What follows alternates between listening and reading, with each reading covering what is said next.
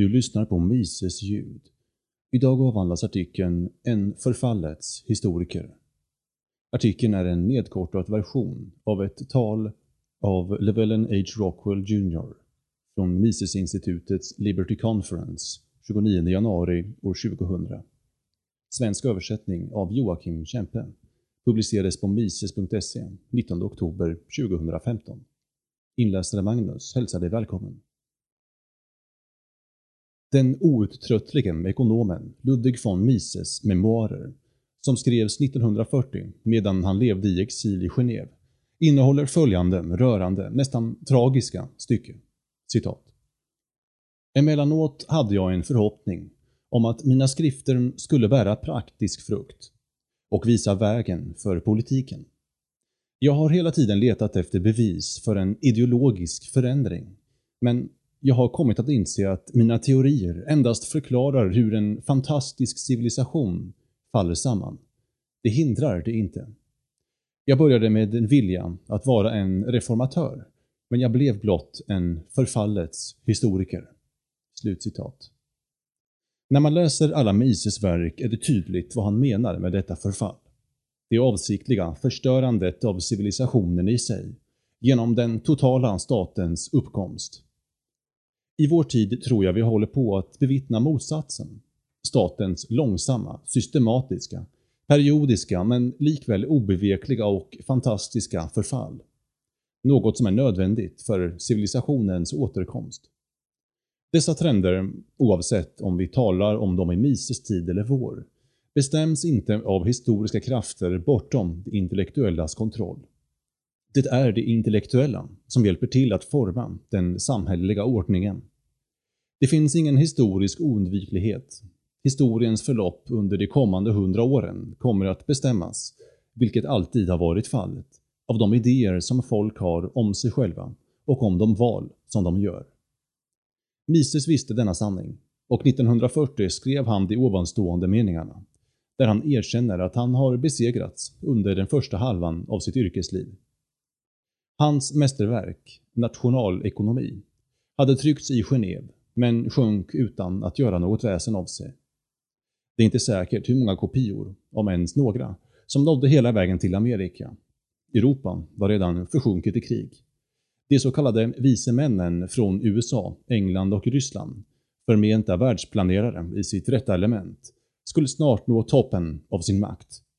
Den politiska ideologi och den ekonomiska teori som Mises hade ägnat hela sitt liv åt höll snabbt på att förpassas till historiens bakgård. I sitt personliga liv var paret Mises nu politiska flyktingar och utsatta för dödsfaror under större delen av de fyra veckor som det tog att resa till USA. När de anlände hade de varken familj att hälsa dem välkomna eller några ägodelar, då de hade skickats separat. De flyttade från ett litet hotell till ett annat och levde uteslutande på besparingar. Mises hade inget lärosäte.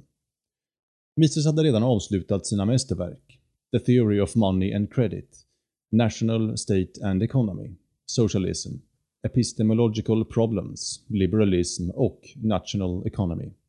Men det var för det mesta kända i ett Europa som inte längre existerade. Två hade översatts till engelska, men cirkulerade främst i brittiska akademiska cirklar. Mest talande för att den intellektuella floden hade vänt och nu arbetade mot honom i form av nationell och internationell socialism i Europa och keynesiansk planering i USA via The New Deal. Mises insikt att han hade varit en förfallets historiker kommer två tredjedelar in i hans memoarer. Efter att han har berättat om den ena fallet efter det andra, hans varningar och slutresultatet som vanligtvis var tvärt hans rekommendationer. Mises insåg dock att han hade spelat en viktig roll i att hindra Österrike från att bli kommunistiskt och att se till att den österrikiska inflationen avstannade innan den nådde samma nivåer som i Weimarrepubliken. Han var fullt medveten om hur begränsad hans förmåga att förändra historiens förlopp var. Ingen enskild intellektuell kan garantera ett visst förlopp. Idéer kan sätta historien i gungning, men det finns inget som säger att goda idéer kommer att besegra dåliga. Oavsett var man tittade år 1940 verkade dåliga idéer vinna, medan bra idéer avfärdades och krossades av händelsernas kraft. Mises förstod att han tillhörde den andra generationen av europeiska liberaler som ställdes inför händelser som var så fruktansvärda att ingen av 1700-talets liberaler någonsin hade kunnat förutse dem. Det gränslösa hoppet var en integral del av den klassiskt liberala världsåskådningen och vinekonomerna förde detta vidare, inklusive en ung Karl Menger. Många av de klassiska liberalerna tappade dock hoppet när de bevittnade det första världskrigets massakrer och omfattande etatism.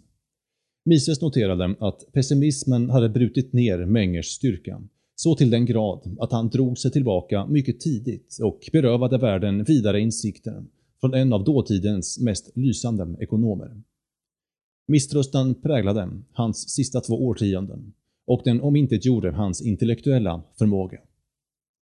Man får en känsla att Mises i sin ungdom kan ha besvärats av Mengers exempel.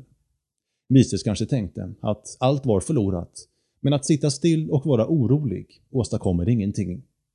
Att ge sig in i den intellektuella kampen för sanning kommer inte med någon garanti om att sanningen kommer att vinna. Men utan ett sådant engagemang är allt hopplöst. Som Mises beskriver i detta inspirerande stycke, citat. Hur vi formar våra liv när vi ställs inför en oundviklig katastrof är en fråga om sinnelag. I högskolan hade jag valt en vers av Vergilius till motto. Tune sede malis sed contra audentior ito. Ge aldrig efter för ondska, utan kämpa allt djärvare mot den. I krigets mörkaste timme erinrade jag mig detta motto. Jag skulle inte förlora mitt mod, inte ens nu. Jag skulle göra allt som en ekonom kunde göra. Jag skulle aldrig sluta säga det som jag visste var rätt. Slutcitat. Det är en fråga om sinnelag, var Mises teori om varför vissa gav upp och andra fortsatte kämpa. Vi kan endast förundras över det faktum att den andra halvan av Mises liv, trots omfattande personliga, intellektuella och politiska katastrofer, var lika produktiv som hans första. Hade han gett upp hade inte Human Action funnits, inte heller Omnipotent Government, som är en kritik av nationalsocialismen, som är ännu mer förödande än Hayeks Vägen till träldom, och inte heller Bureaucracy eller Theory and History. De flesta av dem skrevs under de år då staten kontrollerade alla priser och all produktion i större delen av världen och dödade cirka 56 miljoner människor i det allra blodigaste kriget. Men Mises gav inte upp. Han stred med det allra mäktigaste vapnet av dem alla. Hade han inte gjort det, hade den österrikiska skolan inte funnits idag. Och vi skulle inte haft något hopp om en frihetlig framtid. Mises stred ända till slutet, även om ingenting hände mellan 1940 till 73 som var fog nog att ge honom hopp om att friheten skulle segra. Under de åren ökade den omfördelande statens storlek explosionsartat. Guldmyntfoten förstördes till slut. USA blev ett militärt globalt imperium. Den reglerande staten inkräktade mer och mer i vanliga människors liv och Sovjetunionen, som hävdade att de sysslade med den sortens socialism som Mises hade sagt var omöjlig, verkade för de allra flesta naiva observatörer vara en säker, stabil och statistiskt blomstrande plats.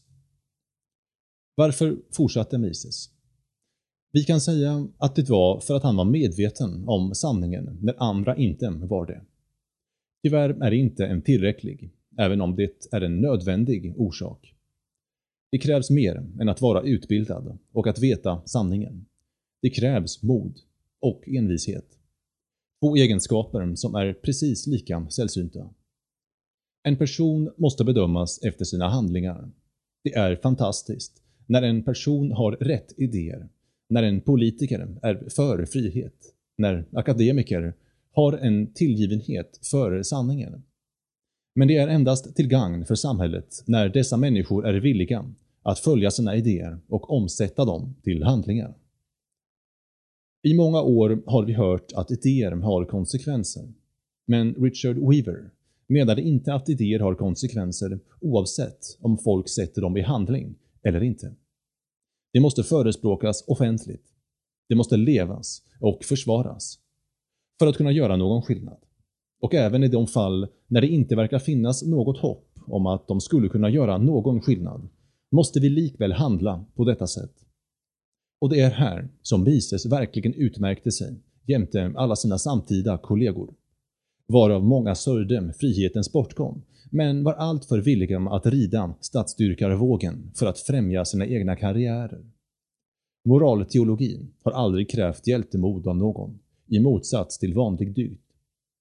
Det betyder dock inte att vi inte borde erkänna och hylla hjältemod när vi ser dem, och Mises var sannoliken en hjälte.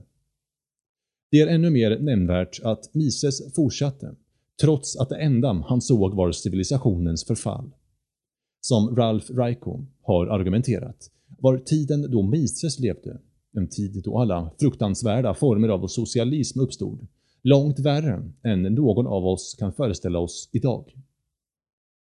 Om vi ska följa Mises exempel borde det alltså inte spela någon roll för oss om vi ser på världen som hopplöst på väg mot etatismens brant, eller om vi kan hitta bevis på att vi faktiskt lever i en ny frihetlig tidsålder. Som Henry Hazlitt brukade punktera, hänger argumentet för principfast intellektuell aktivism inte på frågan huruvida det finns ett verkligt hopp om att vi ska kunna vinna under vår livstid. Vi måste förbereda oss på alla möjliga sätt. Vi måste själva bli förfallets historiker. Historiker om hur staten minskade tills den slutligen förföll. Tillsammans med alla dess apologeter och psykofanter och alla de som är beroende av den.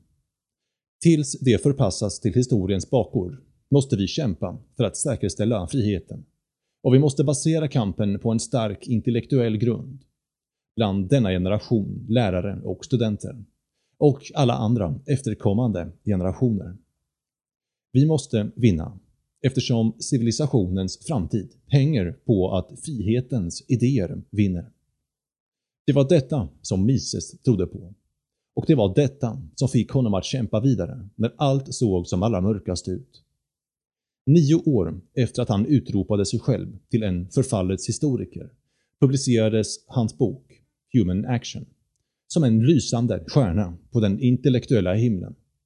Och 66 år senare lyser dess ljus starkare och starkare för var dag som går.